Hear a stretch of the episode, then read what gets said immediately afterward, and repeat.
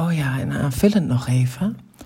Uh, wat deze transit van de afgelopen zes dagen ook mee heeft gebracht, is dat we zouden kunnen merken dat we muziek willen draaien of juist complete stilte willen, omdat de akoestische aard van deze invloed onze gedachten over onszelf bespeelt of zeg maar de linksveldige gedachten stimuleert. Dus uh, aan de linkerkant van je, aan de, eh, ja, de linkerhelft van je, van je brein. Zoals, wat is het toch raar om in een lichaam geïncarneerd te zijn? Weet je, zoiets. en daarnaast kan er ook melodie, of melancholie zijn die inherent is aan het niet in staat zijn om toegang te krijgen tot de mysteries, om ons te helpen om te gaan met die lelijke ellende die zich van tijd tot tijd in ons leven ontvouwt.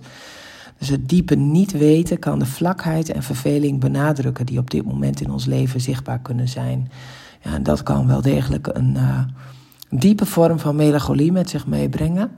Als je het maar als melancholie blijft kijken, bekijken en niet zozeer als, oh, ik zit in een depressie.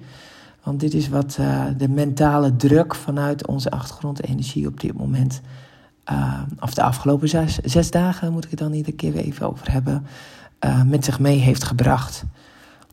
dus ja, het zou interessant kunnen zijn om te kijken in hoeverre er mensen zijn die zo ontzettend de druk, de mentale druk hebben gevoeld in hun innerlijke en de drang naar de innerlijke waarheid hebben ervaren als iets wat zouden, waarin ze iets zouden moeten doen. Waardoor er dingen zijn gebeurd in hun eigen leven of in het leven van anderen. Wat een heel groot gevolg zou hebben kunnen gehad.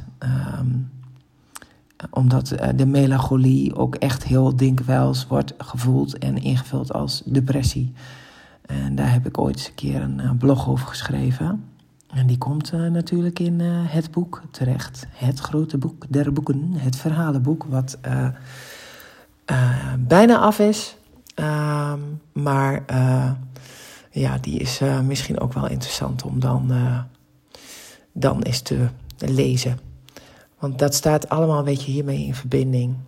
Um, het zegt dus wel weer heel veel over hoe weinig controle wij hebben over het leven.